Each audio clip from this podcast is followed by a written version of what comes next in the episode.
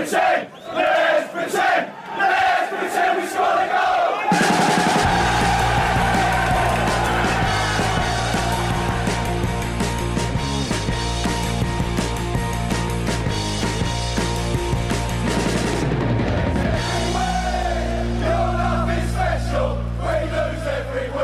Hej och välkomna till Premier League-podden. Jag heter Mattias Löngren, mitt emot mig sitter Erik Niva och Patrik Bränning är här också. Erik Niva som har varit ute på de eh, brittiska öarna, men dock inte rent specifikt. Jo, kanske Premier League.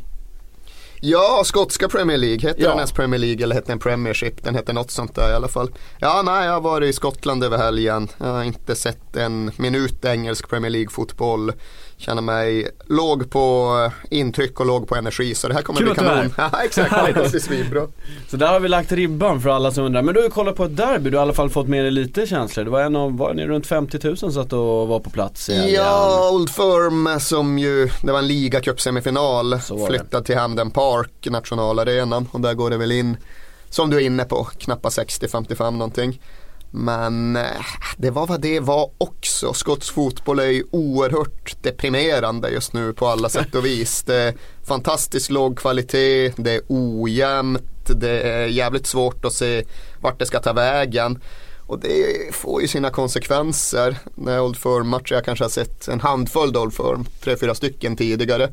Och det här var första gången som jag såg det och kände fan, det är ju inte så speciellt längre. Och det var faktiskt oerhört nedslående. Om inte ens Old Firm känns speciellt längre, vad har vi då kvar?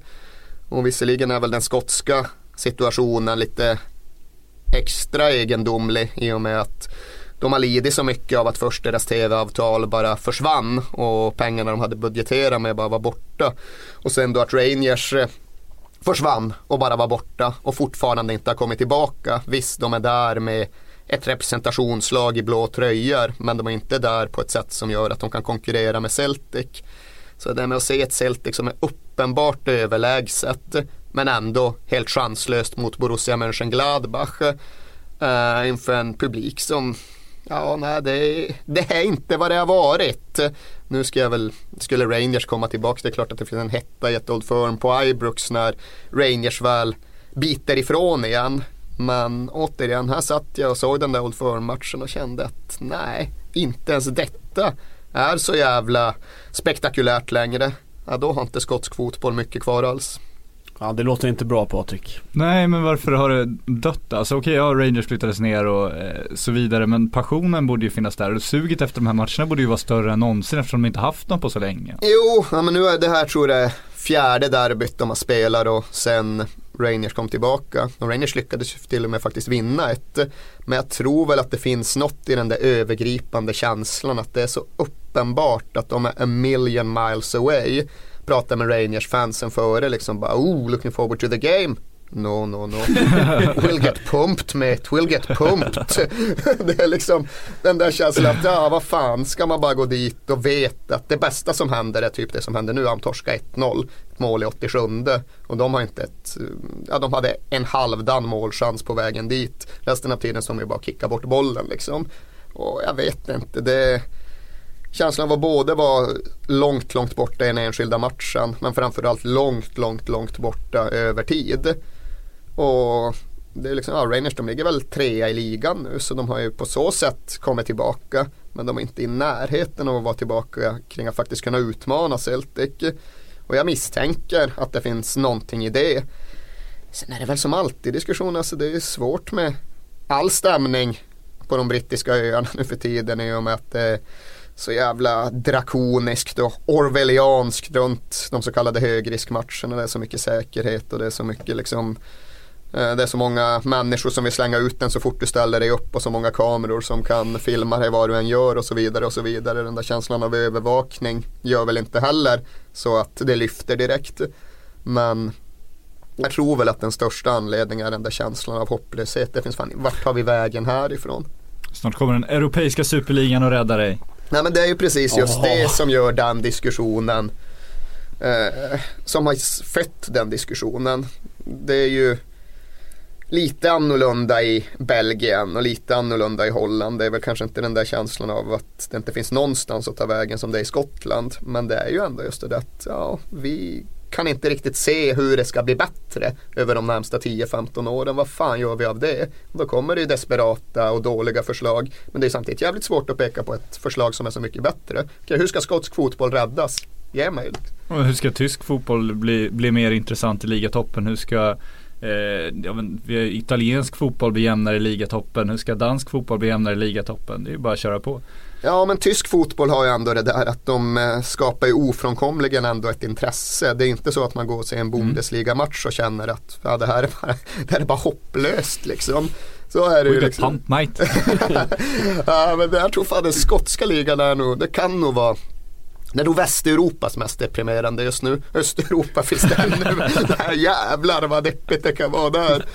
Uh, men skotska ligan är nog Västeuropas mest deprimerande. Uh, och jag vet inte, alltså.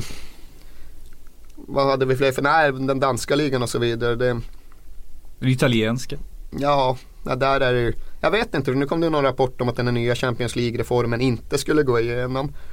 Uh, men jag känner ju ändå att det är lättare att reformera de ligorna. Det är lättare att jämna ut de ligorna. Det är lättare att få de ligorna internationellt konkurrenskraftiga än det är med den skotska ligan. Mm. Och det är ju på ett sätt det är lika deppigt för Celtic. Liksom. Det är inget kul för det. Ja, det är klart att det är kul att vinna mot Rangers men det är inte skitkul att bara jogga hem ligan varje år och sen ändå get pumped så fort de ska spela mot ett hyfsat lag i Champions League. Liksom. Det är ju också ett jävla ingenmansland. Uppenbarligen, uppenbarligen för bra för sin egen liga, sin egen fotboll. Uppenbarligen mer eller mindre chanslös i Europa. För, ja, nu, de har ingen möjlighet ens att komma trea i sin Champions League-grupp men det finns ju många som hade önskat sig den typen av scenario. För då hade de i alla fall kunnat få en, ja de skulle ju ha en chans om de spelade i Europa League efter jul. Det skulle kunna vara lite roligt sådär. Men de kan ju aldrig ta sig till Europa League eftersom att de alltid måste spela där Champions League och att de vinner ligan med 30 poäng liksom. Måste de försöka sikta på nålsögat där och komma trea i sin grupp. Och, och inhemska ligan den är stängd sedan länge. Det är ju ingenting att göra där. Så det är svårt att hålla fokus då efter. På och sen är just ändå, var och såg några andra matcher också. Var och såg Partick Thistle mot Ross County då. Och visst Partick Thistle ligger i nedre skiktet och Ross ligger väl 7-8 någonting. Ja, det är 2 500 åskådare och det finns någonting i den. Det är, det är familjestämning liksom. Men det är just det är fantastiskt fantastiskt dålig fotboll. Det är fantastiskt dålig fotboll. Alltså Ross County, det, alltså, det är som att se en veteranmatch som att se 94 är ute och lirar liksom. Vad fan är detta? De är ju liksom den skotska ligan 80 den, är speciell för att den är både så dålig och så ojämn. Och den kombinationen är inte skitbra. Uh, det finns ingen spänning och det finns ingen kvalitet. Ross County skulle, jag vet inte fan om de hänger kvar i superettan. Alltså, det är inte självklart. Eller för den delen Partick Thistle, de är ju lika usla. Uh, Så springer Micke Lustig på helgerna, upp och ner på sin kant. Micke Lustig, allé, absolut. Uh, Nej, det undrar vart han ska ta vägen. Hans kontrakt har ju inte jättelångt kvar och man ser ju att han han kan ju dominera en kant eh, i en Old Firm-match utan att riktigt ta i. Han eh, går på trekvartsfart, gör en starka 3 plus-insats eh, om det är tydligt att han har mer att ta av där. Han skulle ju absolut kunna gå till han skulle kunna göra Virgil van Dijk flytten och gå till Southampton och vara bra där. Och det känns ju inte uteslutet. Fan, vi nämnde en Premier League-klubb nu. Ja, vi långsamt smyger vi oss in eh, lite mer söderut. Men det kanske han skulle behöva en lite mer utmaning också Lustig. Det skulle väl vara bra för honom. Precis på samma sätt som det skulle vara bra för Celtic att få utmaning på lite mer konsekvensnivå. Nej men det är klart det är så. Han trivs ju. Han har ju ett bra bra liv där i Skottland och han är uppskattad och han eh, kan som sagt eh, dominera matcher utan att behöva pressa sig till ljumskbristningens gräns. Men det är väl just... underskatta. Nej, det är väl det där att Finns det en reservation, finns det en tvekan kring till exempel en Premier League-klubb att ta honom då är det ja, fan 30-åring med en jäkligt knixig skadehistorik. Mm. Är det, det är kontraktet vi ska skriva. Uh, Behöver man två högerbackar kan man säga. Ja, det är Utan väl, att överdriva. Ja, nej, tyvärr är det ju så. Uh, Micke Lustig, jag kollar på den, hade ju missat mer än ett års fotboll, alltså mer än 365 dagars fotboll under de senaste, jag vet inte, fyra, fem säsongerna någonting. Just för att det kommer så många skador hela tiden. Ja den är inte, den är inte sådär jätterolig. Mini-Diaby. Ja det såg du på Twitter om hans eh, kraftiga Borta fyra månader nu. Mm. Det var ett litet instick bara. Ja, alla har Men nu ska vi inte ta oss till franska ligan. Ja.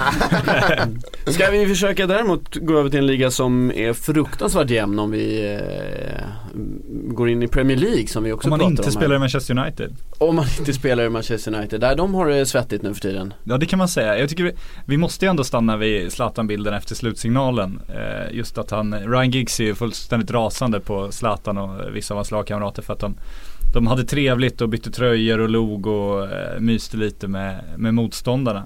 Eh, jag vänder mig till Erik direkt. Har vi, har vi sett det här? Har Zlatan gjort så här tidigare? Alltså det, det förekommer diskussioner nu om att han, bara, eh, ja. hans eh, brinnande fotbollslust är på väg att Ja, slockna. lågan har slocknat alltså. Har han gjort så tidigare? Mm.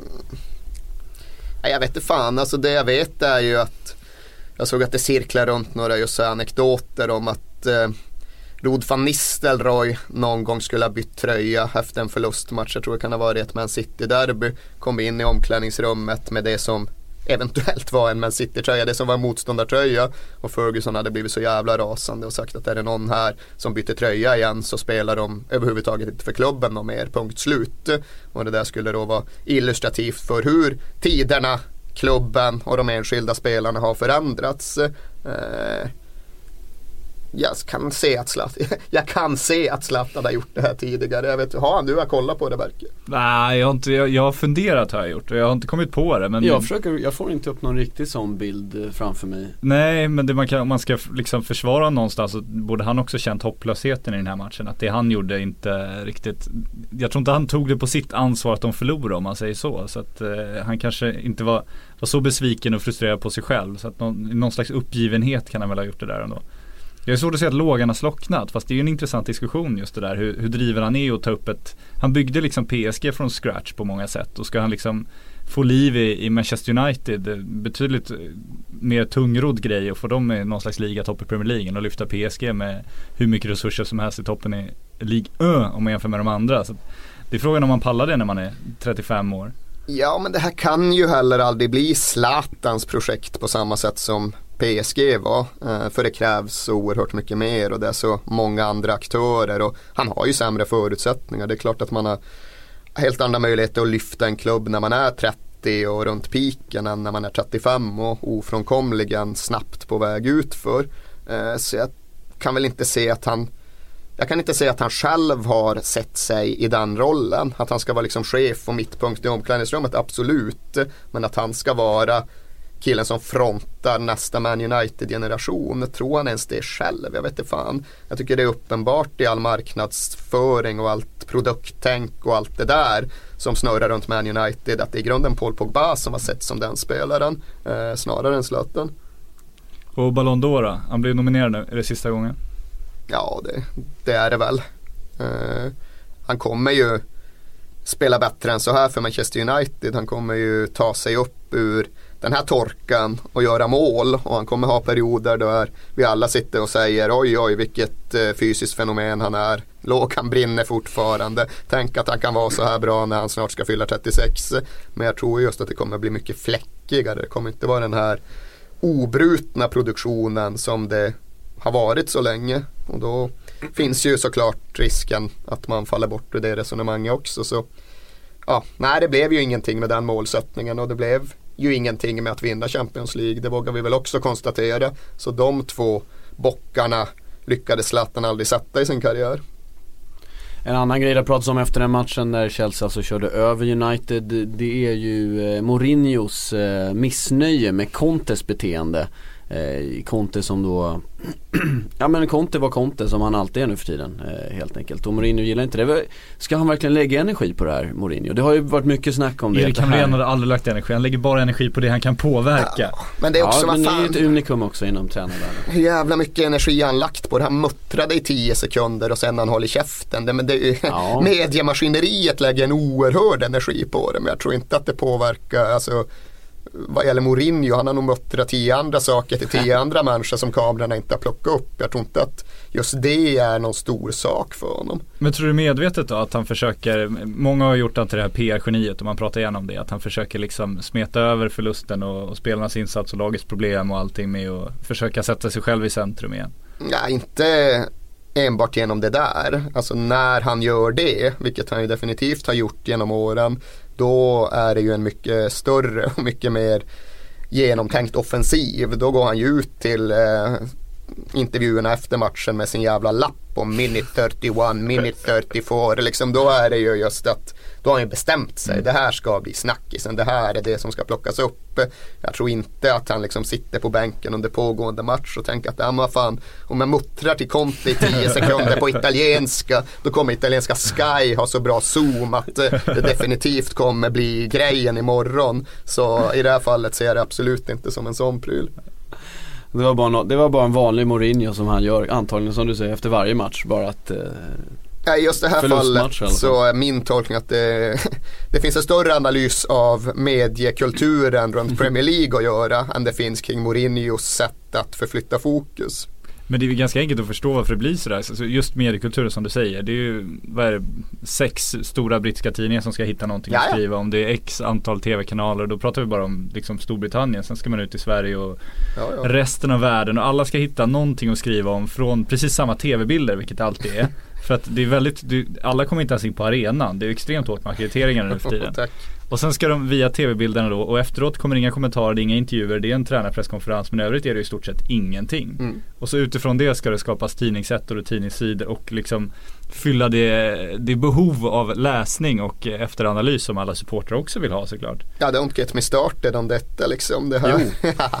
det är en regnig tisdag morgon och börjar jag fundera över exakt vad allt det där innebär och exakt vart allt det där kommer att ta oss så blir jag fantastiskt nedslagen. Men du är ju precis, det är ju precis så det är liksom. Det ska produceras oändliga mängder medier på väldigt lite innehåll och då är det ju just här vi hamnar. Och det har ju bara accelererat och accelererat. Man tror att nu kan det inte bli mycket mer så än det var för fem år sedan. Och sen går det fem år och det är absolut ännu mycket mer så. Så liksom andelen substantiella grejer som kommer från Premier League-fotbollen, andelen grejer som verkligen genuint intresserar mig utanför matcherna, de är ju väldigt få och sällsynta nu för tiden. Men man sitter ju alltid och konsumerar och försöker hitta någonting. Eh, men det är klart att här sitter vi och ska göra en podcast utan att ha sett en jävla match.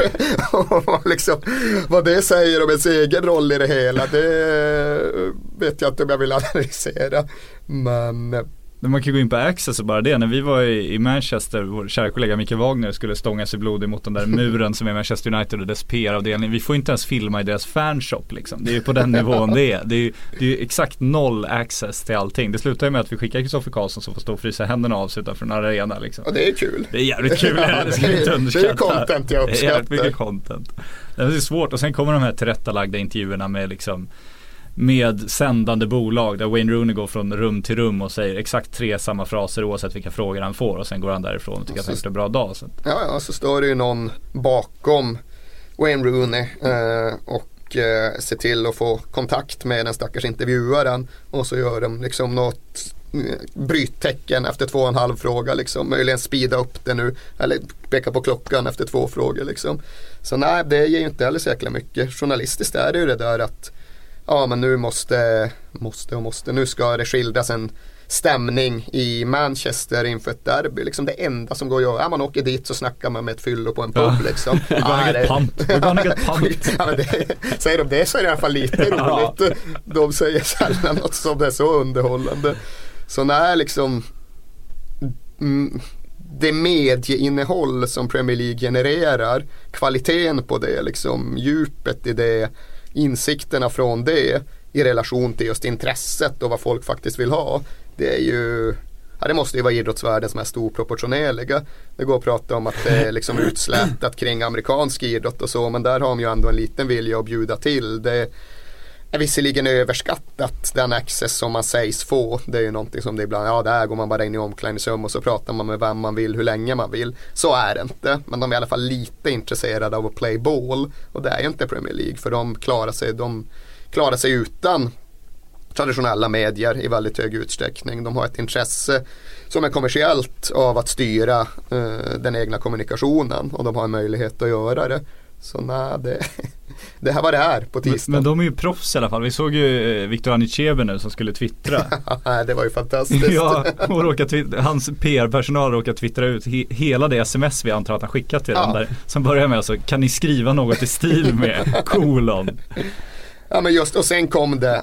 Uh... Och sen kommer, nu kommer snart apparna, där får vi också lite information. Vi, ja, får, vi får två korta meningar Men där kan vi konstatera att Zlatan i alla fall skriver själv med tanke på hur uselt det är. Så ja, där kan man vara helt säker Jag är inte säker på det. Du tror inte det? Nej men just, okej okay, ta Annie Chebes PR-agent i det här fallet det hen har lyckats producera uh, till Anichebe som Anichebe ska kommunicera. Det är, vad var det? Unbelievable support today, tough result to take, we go again.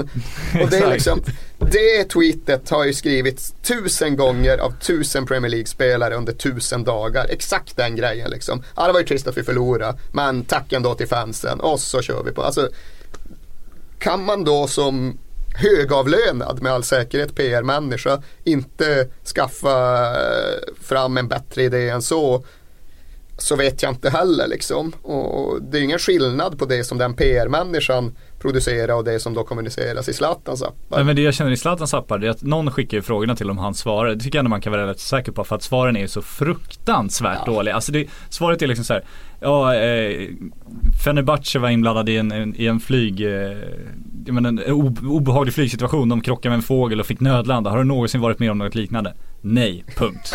det skriver ingen PR-människa. Nej, det må vara. Men han har väl ja, alltså, det här jag vet inte ens vad han har. Vad, han har Instagram.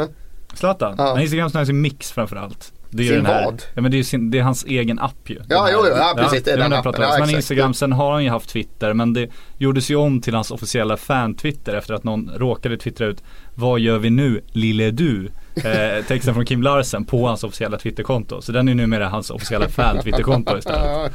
Viktig distinktion. Ja men det här lät ju, här finns det ju ändå något att ta på. Vad är analysen av att det på något sätt kom ut ett Kim Larsen-citat på Zlatans Twitter? Hur det händer det? Personalfest på, vad heter de? Sport and Brands, eller vad heter de? Är det Mikael Lepp? Ja exakt, Mikael Leppistös eh, företag och så antar jag att någon, eh, någon Någon ska göra den Spotify-sökningen liksom och så råkar han bara skriva i fel fält. Det eller ska twittra från sin eget konto fortfarande inloggad på Zlatan någonstans. Det är, liksom, det är väl någonstans där vi ligger. Ja, ja, ja. Det är sån här klassiker när man ska söka efter en person på Facebook och råkar skriva i sin statusrad. och sen eh, inte, inte fattar någonting och stänger av. och så står det bara det här namnet på en statusrad. Det är också lite obehagligt. Men Zlatans Instagram, där hade det väl kunnat komma tough result to take, uh, but we go again, unbelievable support. Framförallt så liksom. återanvänds ju appcitaten i, på, på ja, hans Instagram okay, så, så att de ska, slippa, de ska slippa dubbelproducera. Det är ju en tidskrävande eh, verksamhet det här de sysslar med. Det låter som ett yrke man borde kunna söka sig till onekligen. Men jag skulle vara så sugen på att vara PR-agent åt Premier League-spelare och bara, alltså, och sen så skicka ut lite dolda signaler och jävlas lite med grejerna. Vem, vem, vem, vem skulle du helst vilja representera eller är det valfri? Ja, Niklas Bentner vore ju en utmaning. Peter Odden Winge skulle man ju vara jävligt sugen Peter på. Peter Odden Winge klar för Rotherham såg jag igår. Kontrakt i januari så att jag vet inte hur mycket de tror på honom. Ja, det är en jävla bra fix. Det var ju samma när El Hadji Diouf gick till, var det Darlington eller Doncaster? Doncaster ja, tror jag det var det var ju också en fantastisk så här uh, fit. Eh, man kände att ja, det här sitter som handsken. Nu vänder det. Jag måste fan kolla om det var Darlington eller Doncaster. Uh... Ska, ska jag prata lite Premier League här annars tiden medan du kollar upp där. Det är ju eh, fruktansvärt jämnt i alla fall. Vi har fyra lag med en poäng i toppen så att om vi jämför med den skotska ligan så här är ju en liga där det, där onekligen ser ut att kunna bli riktigt, det ser ut att bli en riktigt, riktigt spännande säsong.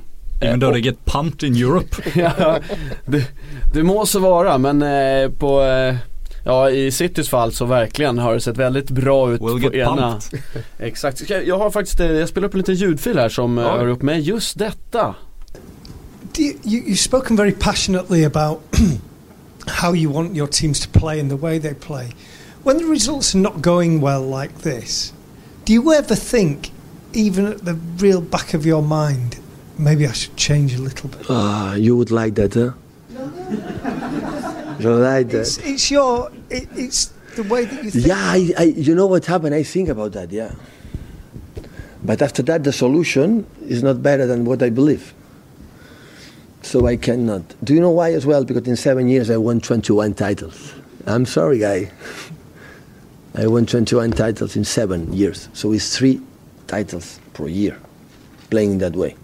But if you believe I arrive here and in three months everything is going well and you're going to win in Camp Nou no, uh, 0 4, I'm going to dominate against uh, that guys and Messi and Christ, uh, Luis Suarez and Neymar are going to create nothing and Messi and Iniesta is going to play good.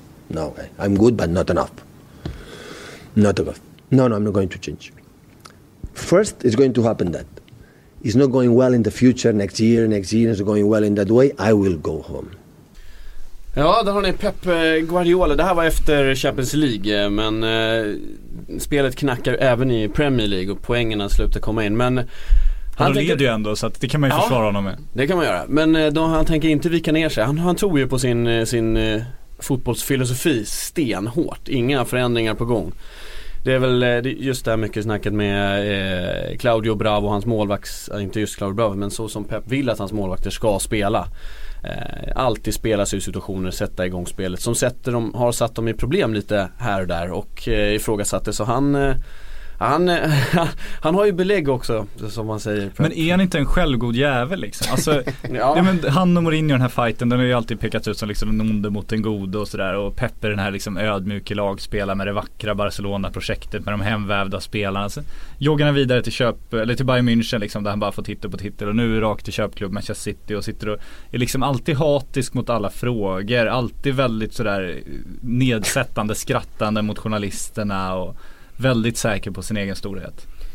Ja, det är klart att det är en självgod jävel och det har han väl all fog för att vara. Men jag tycker inte att han är självgod på något extraordinärt sätt. Jag tycker inte han alltid är hånfull mot eh, frågeställaren. Jag tycker väl att det här är en vulgärtolkning av Pep Guardiola på det sätt som så väldigt, väldigt mycket vulgärtolkas i den här Premier League. Vi får ju så lite, vi måste göra så mycket av ja, det vi kan. Det. Men nu fick vi en mening. Ja, ja nej, men jag tycker just att, nej, men allt, jag tycker att Pep Guardiola är intressant. Det, som sagt, det är mycket som jag inte alls tycker är intressant. Jag tycker väldigt sällan en presskonferens efter matchen är intressant. Men jag tycker nästan alltid Pep Guardiolas presskonferens är intressant.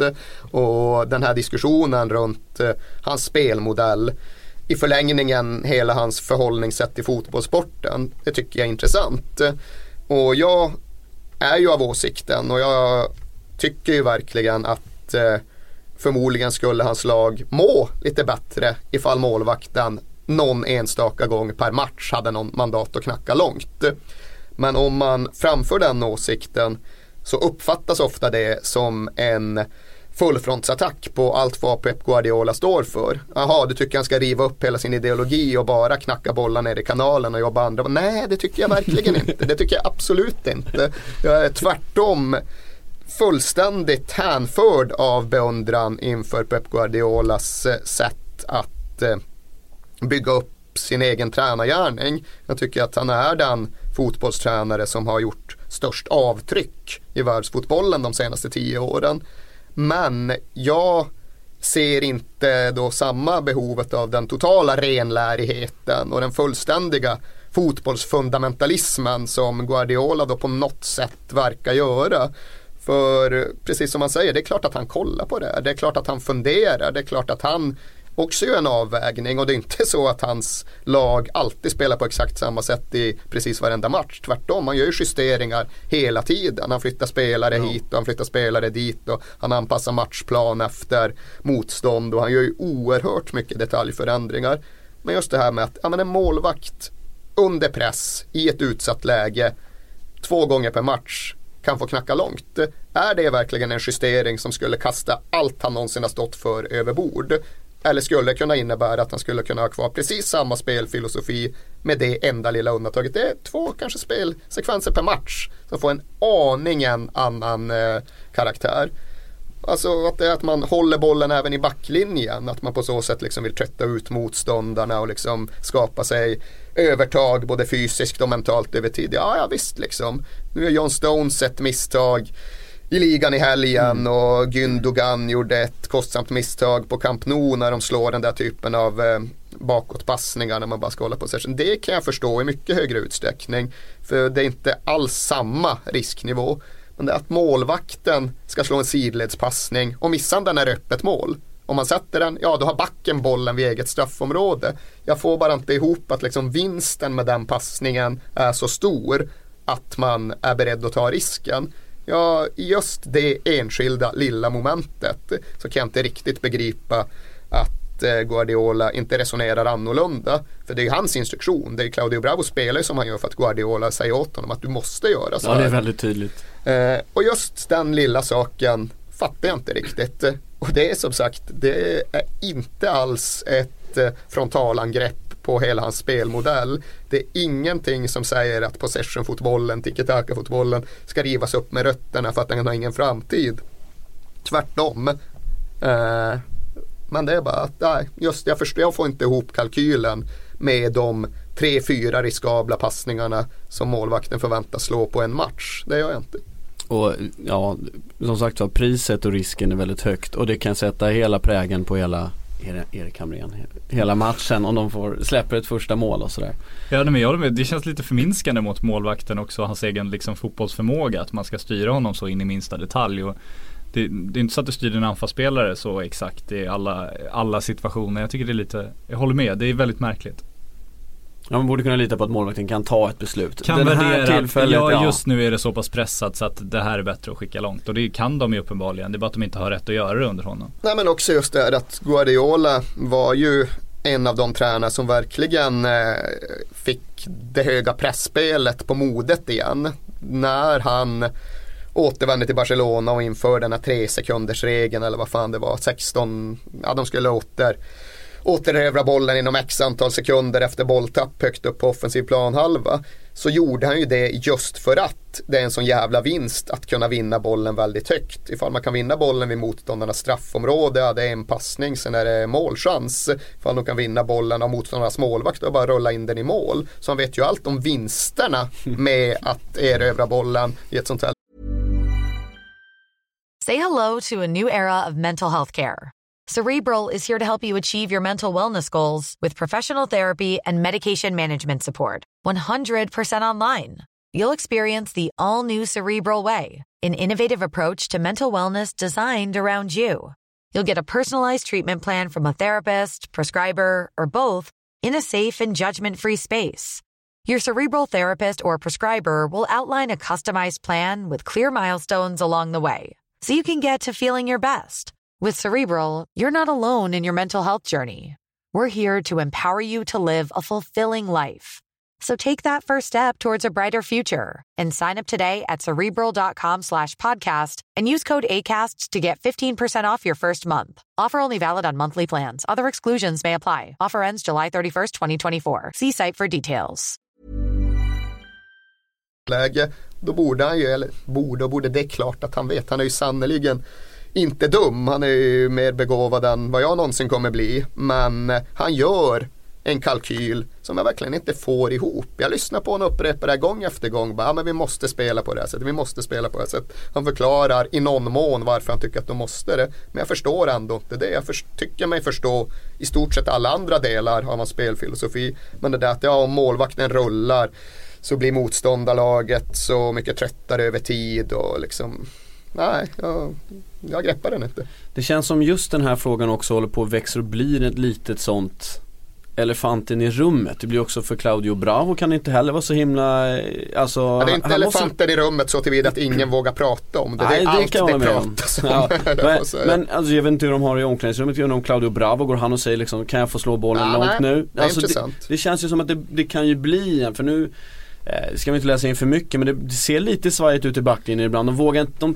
tänker mycket innan de slår passen som John Stones gjorde nu när den här miss. Han tittar upp, tänker kan jag slå den till honom? De möter, så tittar han, jag ska slå bollen. Då har han flyttat sig lite och så blir det fel. Det är som att de hamnat i något sånt här Vi Men det- måste hålla bollen men Men det är väl svårt, alltså det kan väl också finnas en poäng i att vara så här renlärig eller vad man ska kalla det i början också när du ska sätta ett nytt system och lära spelare nya saker. John Stones har ju liksom knackat långt i hela sitt liv. Om han ska börja med det här, om du ska låta honom värdera fritt då, då kanske han knackar lite väl mycket långt och lite. Så om du börjar liksom, ja men nu, nu är det kortpassningsspel som gäller. Sen kan man väl bygga in värderingen lite längre fram när det gäller backlinjen i alla fall. Målvakten har han ju alltid varit väldigt så eh, säker på vad han vill och det är väl lätt när man har Manuel Neuer och nu har han fått Claudio Bravo men det blir ju uppenbarligen fel. Och man ser ju också, det finns ju såklart kvalitetsskillnader mellan spelarna i Barcelona och Bayern München och Manchester City. Så är det ju tveklöst och det, det blir ju fler bolltapp och därmed blir det ju fler farliga situationer bakåt än vad det kanske var. Så han, han får värdera antingen om de blir bättre eller om han kan få bättre spelare och sen efter det får han väl värdera om de är tillräckligt bra för att spela så här också. För att det är ju en sak att ha en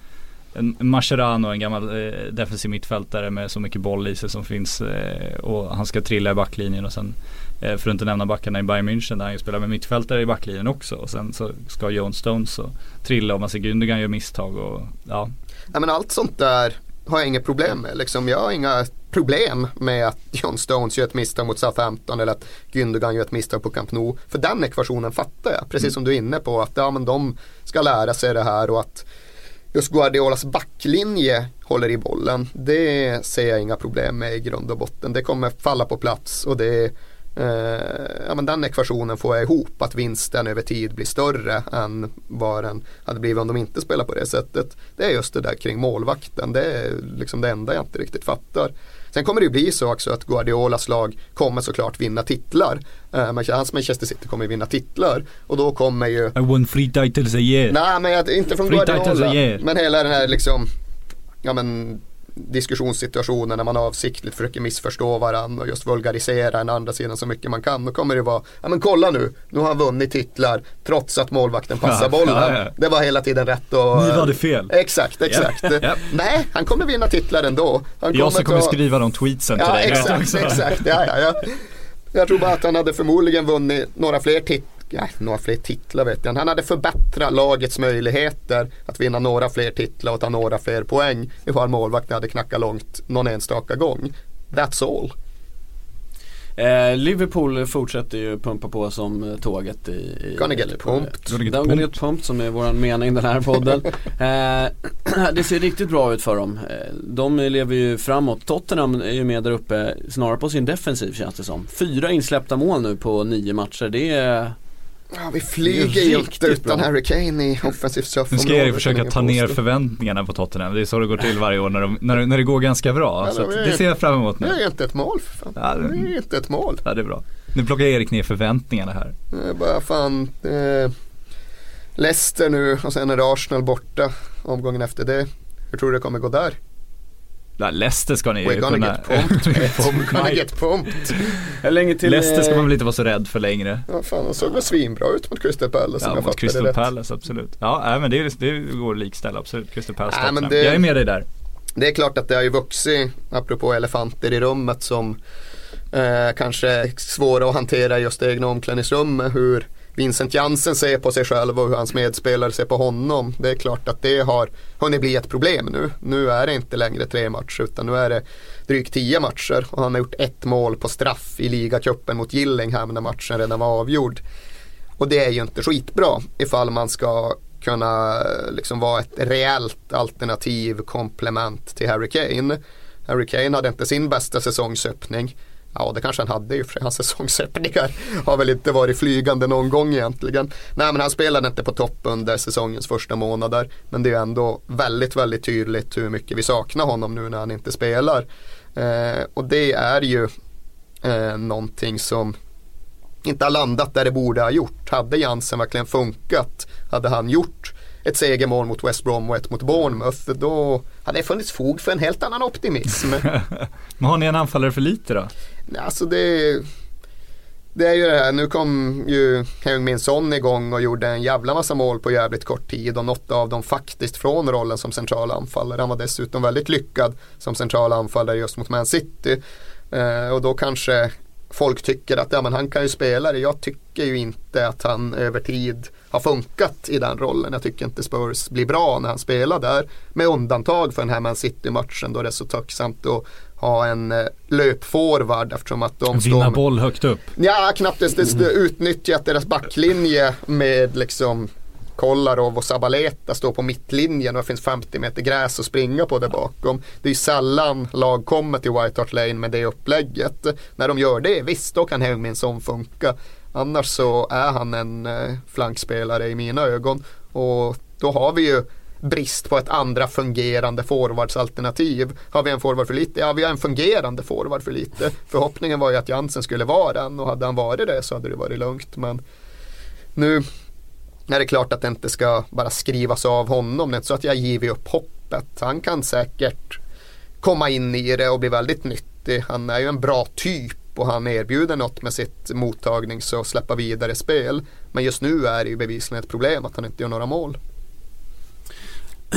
Arsenal eh, är också med i toppen, borde ju ha vunnit mot Middlesbrough, det man ser man inför i alla fall, gjorde inte det, spelade 0-0, det är de matcherna som, de poängen som det kan bli dyrt att eh, prata om sen. De möter ju å andra sidan Sunderland i nästa omgång, Sunderland som står på två poäng totalt hela säsongen. Noll segrar med andra ord. Sunderland, det ser inte bra ut där. Ja, det har väl inte sett bra ut under en längre period. Det känns som att de har haft någon slags jävla SOS-flagga varit på väg att sjunka några säsonger. Så att det, är väl, det är väl läge att någon gång kommer det ju inte funka längre. Och det känns ju inte som de har gjort några enorma förändringar så eller förstärkt sin spelartrupp på, på det sätt man kanske hade hoppats. Det finns ju en jävla kittling kring, eh, kring förhoppningen om att Big Sam rycker in igen strax efter nyår. alltså, han kommer med ett par shaker i släptåg. Alltså man vill ju tro man. Han kommer med sin fru i släptåg om man ska göra ett riktigt, riktigt vulgärt skämt. Det, ja, vad, ger du, vad ger du för Mois då? Det går inte jättebra för Mois. Nej. Och det har inte gått jättebra för Mois Nej, på länge nu. Det, det brittiska tränarundret. Eh, det är dags att begrava det där. Han var ju faktiskt del av ett reellt tränarunder. Han var ju en del av det skotska tränarundret som ja, var bestående mm. över årtionden. Men som också på, håller på att klinga av nu apropå den skotska fotbollens välmående och förträfflighet. Uh, nej men det, där är jag ändå förbryllad. Även om jag inte visste hur det skulle gå när han tog Man United så var jag ändå rätt trygg i att David Moyes var en bra Premier League-tränare när han lämnade Everton. Men sen kom Man United och sen kom Real Sociedad oh. vilket, ja, att det inte gick så bra det var väl inte heller en chock men jag tyckte ändå det var ett beundransvärt eh, dra, steg att ta och jag trodde att det skulle ha gjort honom gott.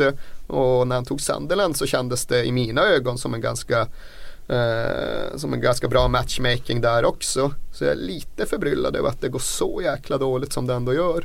Men liksom vad, vad händer med dem då? För man har ju haft honom som har snackat upp sen Alan Pardew som folk fick väldigt stora förhoppningar och Brendan Rodgers. Vi, vi, tar in alla på de där öarna nu i en och samma skål här tycker jag. Det är lika bra när vi är igång.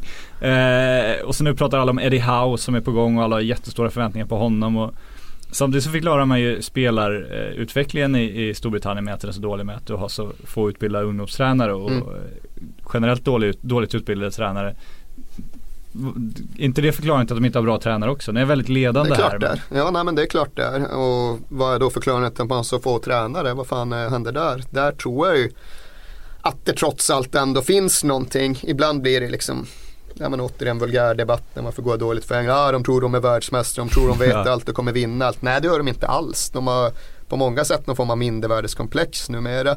Men jag tror ju att det inte finns någon utbildningskultur i grunden i den brittiska fotbollen. Och nu är jag väldigt svepande men den utbildningskultur som ändå finns och som har funnits, som har legat i roten av den brittiska fotbollskulturen, det har ju alltid varit den där att den gamla spelaren ska komma in med sitt namn och på något sätt ett diffu, väldigt diffust know-how kring alla matcher han har spelat som på per automatik ska ge resultat för att det är proper football man som har been there och done that. Det har liksom varit det som är synen på hur man ska leda och utveckla och utbilda lag.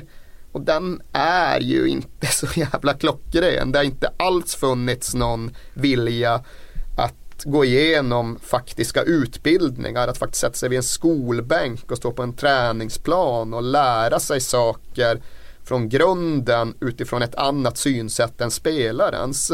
Den där funnits det att ja, men den gamla spelaren går in och så säger han i grunden nu ska ni göra vad jag gjorde och sen ska det på något sätt eh, bli bra därifrån. Jag tror just att det är den synen på fotbollsutbildning som gör att det är väldigt få tränare som har genomgått all den utbildning som som man kan tycka vad man vill om men om man bara avfärdar den så tror jag man är jävligt snett ute. Eh, och där någonstans eh, misstänker jag att kärnan ligger i hela diskussionen kring varför Storbritannien A inte får fram så många bra välutbildade tränare på varken hög eller låg nivå. B. Varför de inte får fram så många bra välutbildade spelare eh, som de borde få. Jag tror så.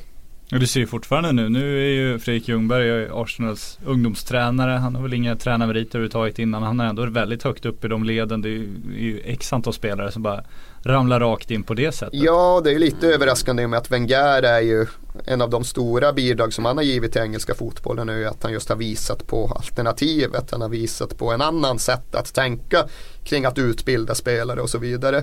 Men jag tyckte ju det var väldigt talande när Ryan Giggs eh, var omnämnd och med i diskussionen och med i intervjuprocessen runt Swansea. För det var just någon som det var någon väldigt välskriven artikel som jag inte ens kommer ihåg vart den kom ifrån som gick igenom just det här. För det var Robbie Savage som någonstans hade gått ut och rasat över att Ryan Giggs inte fick jobbet. Att Bob Bradley fick det istället. Hur fan kan inte Giggs få jobbet? Han har vunnit så många titlar, han har spelat så många matcher.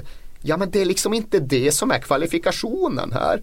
Det, det, är liksom, det handlar inte om att eh, en skicklig spelare ska ha någon form av förtur och bara valsa in utan att ha gjort någonting, utan att ha någon erfarenhet, utan att ha gått någon utbildning. Och att den väldigt välmeriterade tränaren från en annan kultur får jobb. Alltså det är väl det är klart att det är så det måste vara. Men just att Robbie Savage är det som någon form av övergrepp. Det är väldigt talande för den delen av den brittiska fotbollskulturen och synen på erfarenhet och utbildning.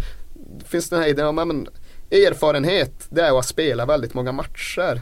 Det har ju liksom väldigt, väldigt lite att göra med en tränargärning.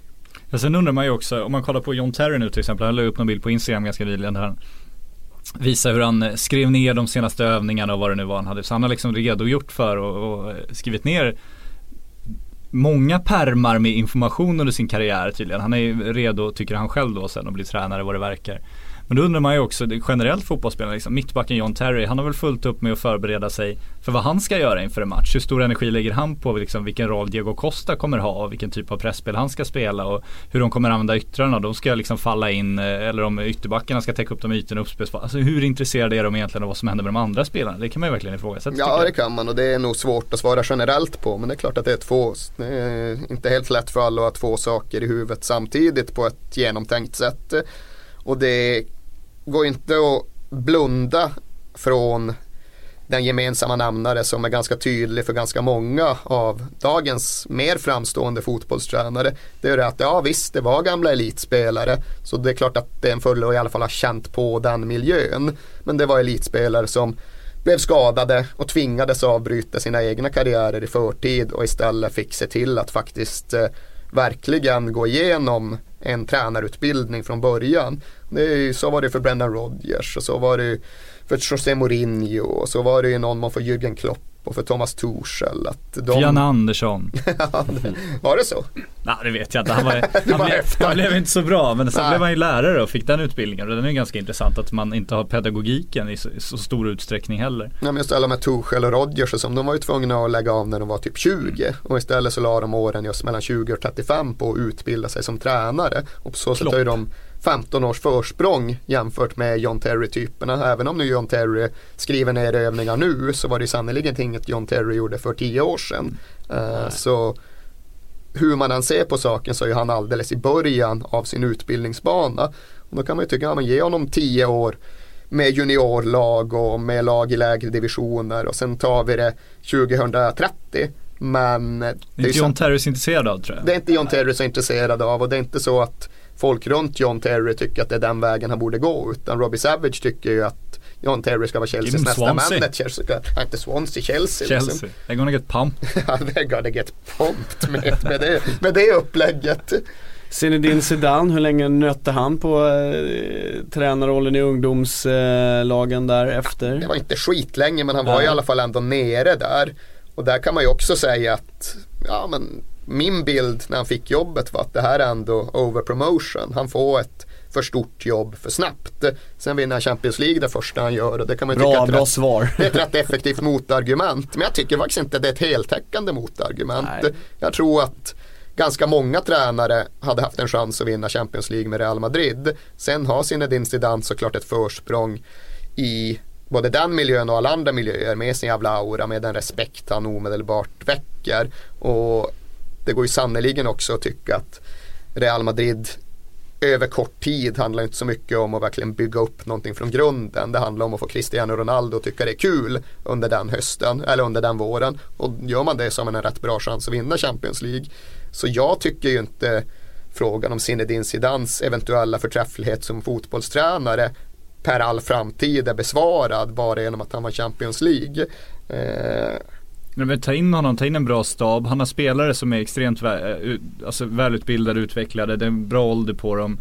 Det är klart att de kan prestera ett Ja. halvår under honom, det är väl inga problem. Men ska han slussa in Martin Ödegård i det där laget? Ska han få honom till att bli den, den stora talang de ja men precis. Det är ju där det börjar bli intressant. Och sen är det också intressant att fundera på ja, hur skulle det gå för honom eh, i Swansea liksom. Eh, Hur skulle det gå för Ryan Giggs hade nog också kunnat få resultat med Real Madrid. Ja. Jag tror för inte Ryan Giggs spanska så jävla bra så han hade haft det lite tuffare där. Men, men jag tror också att ska man nu prompt ta in en gammal storspelare är det ju på ett sätt lättare att lyckas runt ett redan fungerande maskineri i en stor klubb där man har jäkligt eh, bra förspänt och stora resurser. Men just kring ett Swansea som verkligen måste åstadkomma någonting för att eh, överhuvudtaget hänga kvar i Premier League. Där vill jag ju inte bara ha det stora namnet med de många bucklorna som spelare. Där är ju Bob Bradley ett betydligt bättre val. Men för att vara djävulens advokat, är det, är det inte bra om du, om du kommer som stor spelare och lägger av och vill bli tränare? Det känns ju någonstans smartare att gå in i Real Madrid om du får chansen eller en stor klubb så än att liksom göra någon slags medelresa som Henke Larsson som är, ändå kändes som han hade möjligheter att kanske gå till ett Celtic och springa hem eh, den ligan åtta år i rad. Istället liksom ner i Landskrona Boys, misslyckas, får Helsingborg på grund av sitt namn, väldigt dåliga resurser, har extremt svårt eh, liksom förspänt för sig så, men misslyckas ändå återigen. Ja, nej men för den personliga för den personliga karriären och det egna varumärket så då är det väl förmodligen, det är ju lättare att träna en toppklubb. Det är klart att det, kan man få det, det är väl jättetacksamt. Men det finns ju också en jävla fara med overpromotion liksom. Eh, Clarence Seedorf, ja men vart, om vi ska säga att han. Ja men exakt, de kanske, om man nu ska utgå från att de ville ha långa karriärer Ja. som tränare inom fotbollsvärlden så gör man ju sig själv en jävla otjänst. Inzaghi var i alla fall med och körde lite juniorlag men Cedorf gjorde inte ett skit Mm. liksom. Tim Sherwood, om vi ska ta det exemplet. Tactics Tim måste Han var också nere och körde lite juniorlag i Spurs men var ju ändå uppenbart inte kvalificerad för det jobbet. Och det, ja men hur långlivad kommer han bli i sin fotbollstränargärning? Ja. Det finns ju en jäkla risk också att om man tar ett jobb man inte är kvalificerad för, om man misslyckas där, då måste man på något sätt förhålla sig till till skadan som det gör för ens anseende och försöka reparera det och det är nog inte heller så jävla enkelt.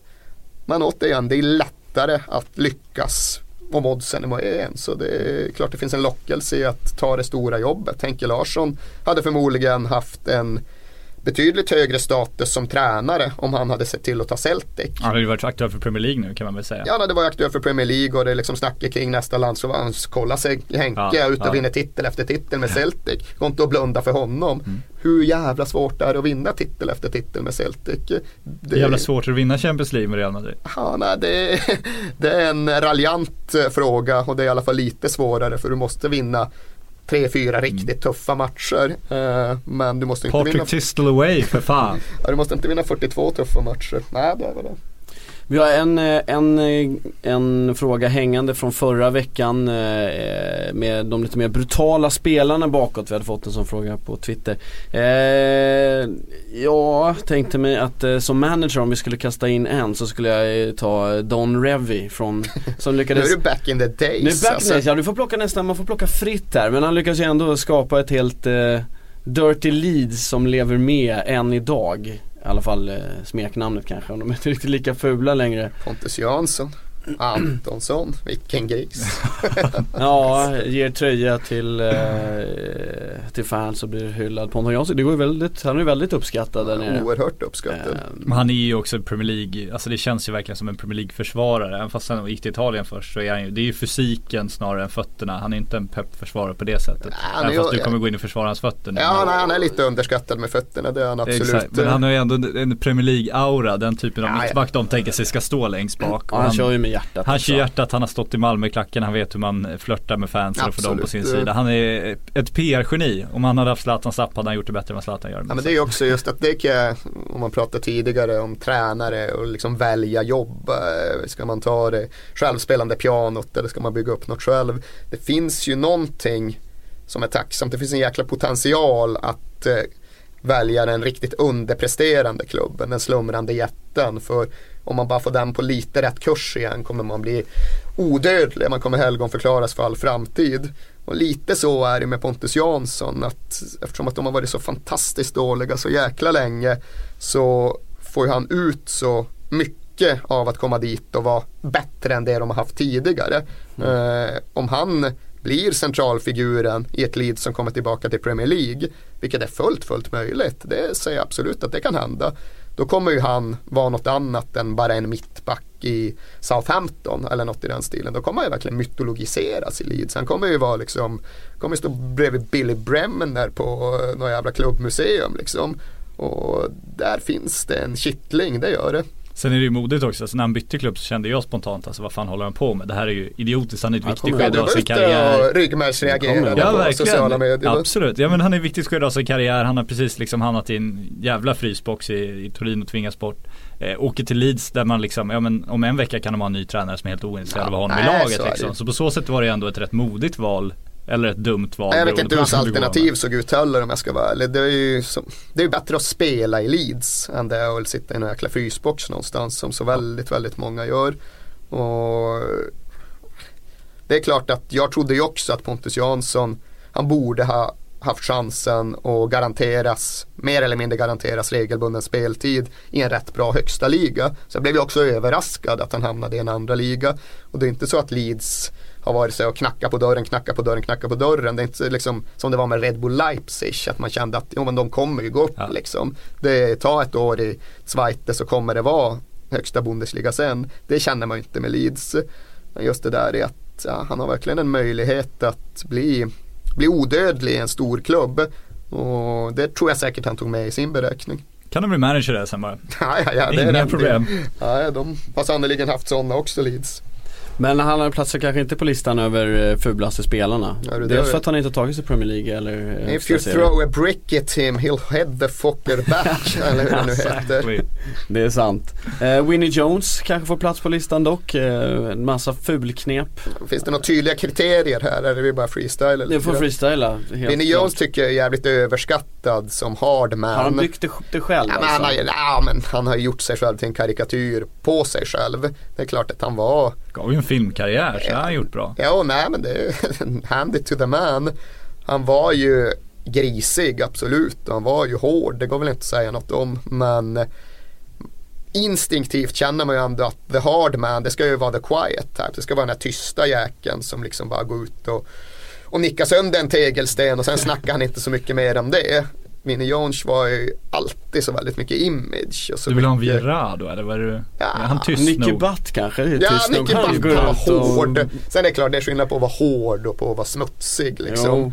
Eh, Men Winnie Jones var ändå, jag kommer ihåg den här VHSen, fotbollens skamgrepp som han Ja, lyckades den- tjata sig ta till. gassa-greppet. Exakt, ja. punggreppet på gas. Väldigt bra VHS, den kan jag rekommendera om den finns. Vad, vad hände mer i den filmen? Ja det var bara fu- fula grejer. Alltså, Okej. Det var liksom en highlight-rulle på en och en halv timme med fula saker. Det var, jag fick han kanske var tio år eller något. Det var en bra utbildning. Jag har också sett någon sån där och så kommer jag ihåg att det var en massa intervjuer med Vinnie Jones. Ja, det var Så det kan också. vara någonstans, det kanske var den filmen. det kan han var den genomgående figur. Och han satt och pratade liksom att, ja, jag kommer ihåg att han pratade om Gary Lineker. Liksom, fy fan, alltså Gary Lineker, inte ett gult kort i karriären. Är det verkligen honom du vill ha med dig i skyttegraven? Är det honom du vill ha vid fronten när du ska storma någon tysk jävla befästning?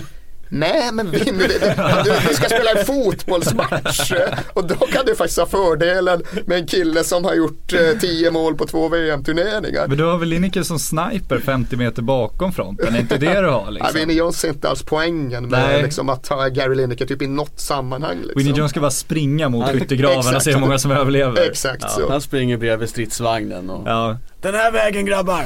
bajonetter ut. Ja, nej men vad fan, det är klart att det var ett, eh, ett svin, men jag gillar liksom inte Vinicius. Det finns ju vissa så här man kan sitta och skrocka åt. Jag tycker åh, han var hård liksom och känna att man ändå gillar dem lite grann.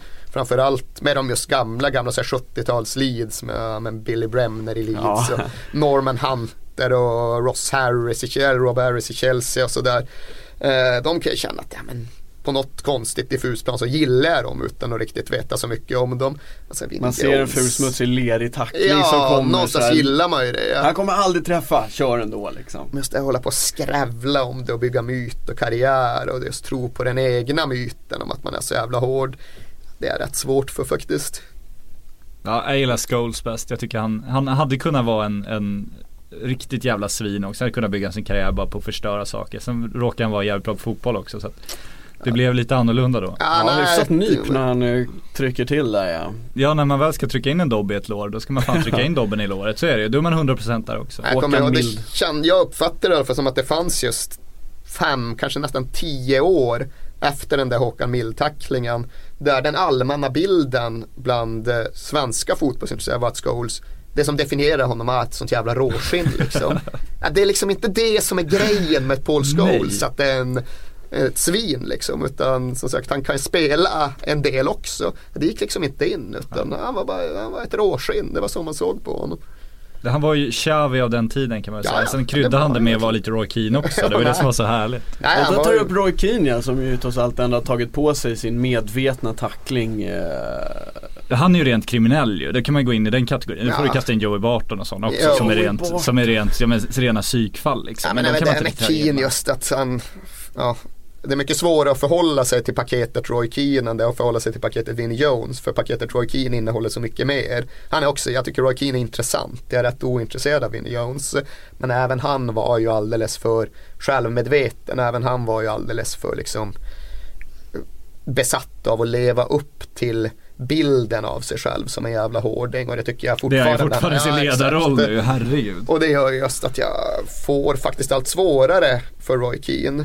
Tyckte det fanns Ja men det fanns en stund eller en rätt lång tid under hans karriär där det var Let's talk more rock liksom. Att han ändå spelade och tacklades men behövde liksom inte hålla på och snacka om det Men är det deras eget fel där? För jag, de blir ju lite som cirkusdjur att Ja. så fort någon pratar om så vill de ju prata om det. Jo. Så det blir ju bara det man drar ur dem. Till slut sitter de och upprepar sina tuffa fraser och så får de det där bekräftelseskrattet tillbaks och så är allting kanon. Ja, liksom. nej, det är liksom, är det deras fel? Ja, det kanske är deras fel så tillvida att de någonstans tar en massa pengar för att spela med i dansen. Det skulle kunna gå och tycka att man har tillräckligt med pengar och gå ner och träna ett eh, division 3-lag istället. Men vem är jag att eh, döma någon för att de dansar med i en mediedans liksom? Det kan ju vara rätt svårt att göra.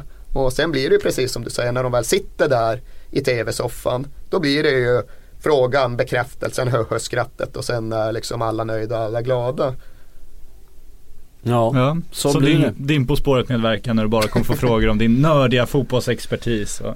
Ja, det är inte, Blir du ett cirkusdjur även du? Sitter i din lilla bur där och ska underhålla massorna? får jag några pengar? Inte mycket kan jag Nej. meddela. Får man pengar Får cirkusdjuren Ja? Ja, inte, inte i den cirkusen. Jo, alltså man får ju någon form av deltagararvode men det är ju väldigt mycket Inga lägre. Viasat Cash, det är det inte. inga Viasat Cash, Nej, det är nej. inte ens nära. Det Nej, kan jag nej, ju kan jag säga. tänka dig. mig. Det är, det är sånt som kompenserar för förlorad arbetsersättning. Ja. Ska du lämna några summor här? Ja, kan jag väl göra. Uh, för mig att man får så kan det vara 4-5 tusen någonting. Eh, och det är ju då för, eh, det är ju på F-skatt liksom. Så av det blir det ju kvar typ en tusing. Per avsnitt? Ja, är det per avsnitt eller är det per, nej per avsnitt kan det nog vara. Och hur lång tid tar det att spela in ett avsnitt? Ja, det är ju en, en dag mer eller mindre. Det tar inte en dag men man avsätter en dag liksom. Det är en jävla skamlön. Ja, ta det med, ta det med någon. Ja, men jag ska ta, ska ta det med nöjes, nöjesredaktionen här. Så ska vi få dig att rasa kring det här. kommer bli rubriker. Ja, nu jävlar ska man in i dansen. Nu kör vi! Men det är alltså, Dra i nödbromsen, så här kan vi inte ha det. Jag tror ju att vad fan, just i Let's Dance eh, tror jag är väldigt mycket så att man får också så en oerhört låg ersättning. Och det tar ju tydligen så fantastiskt mycket tid i anspråk. Är man med i det så är det ju så sex dagar fast- i veckan. Men de Och du man- frågan om Let's Jag Dance? har aldrig fått frågan om Let's Dance. Men jag den ska vi lyfta upp nu, det är lite Men de är, ändå, de är ändå där för att promota sig själva som nöjesmänniskor. Det är som de som klagar på att de är med i Mycket bättre. Ja det är så jobbig inspelning. Ja det är två miljoner tittare. Helt plötsligt Danny Saucedo en krogshow som kommer sändas, säljas ut och han kommer tjäna miljarder liksom. De som sitter i, eller miljarder, miljoner. Men de som sitter i, På spåret är ändå, de är inte där för att liksom bygga sitt varumärke Jag det vet inte fan varför man är där egentligen. Nej det undrar jag också. Är många som ställt sig den frågan. Ja det är en jävla berättigad fråga. Underhålla massorna. Ja, de måste ha sitt. Ja det kommer bli, jag hoppas att vi har underhållit massorna idag. Tack Patrik. Smutsigaste spelare förresten, Kevin Musket utan problem. Kolla där kommer när vi har suttit och fiskat, det känns som du inte velat igenom. Då pang kastar vi ut den. Snyggt. Vad får man för pröjs för det här då? Eh, Ja, det är Lönngren. Löfgren. Tack för att ni kom hit Okej. i alla fall allihopa. Tack för att ni har lyssnat. Hej.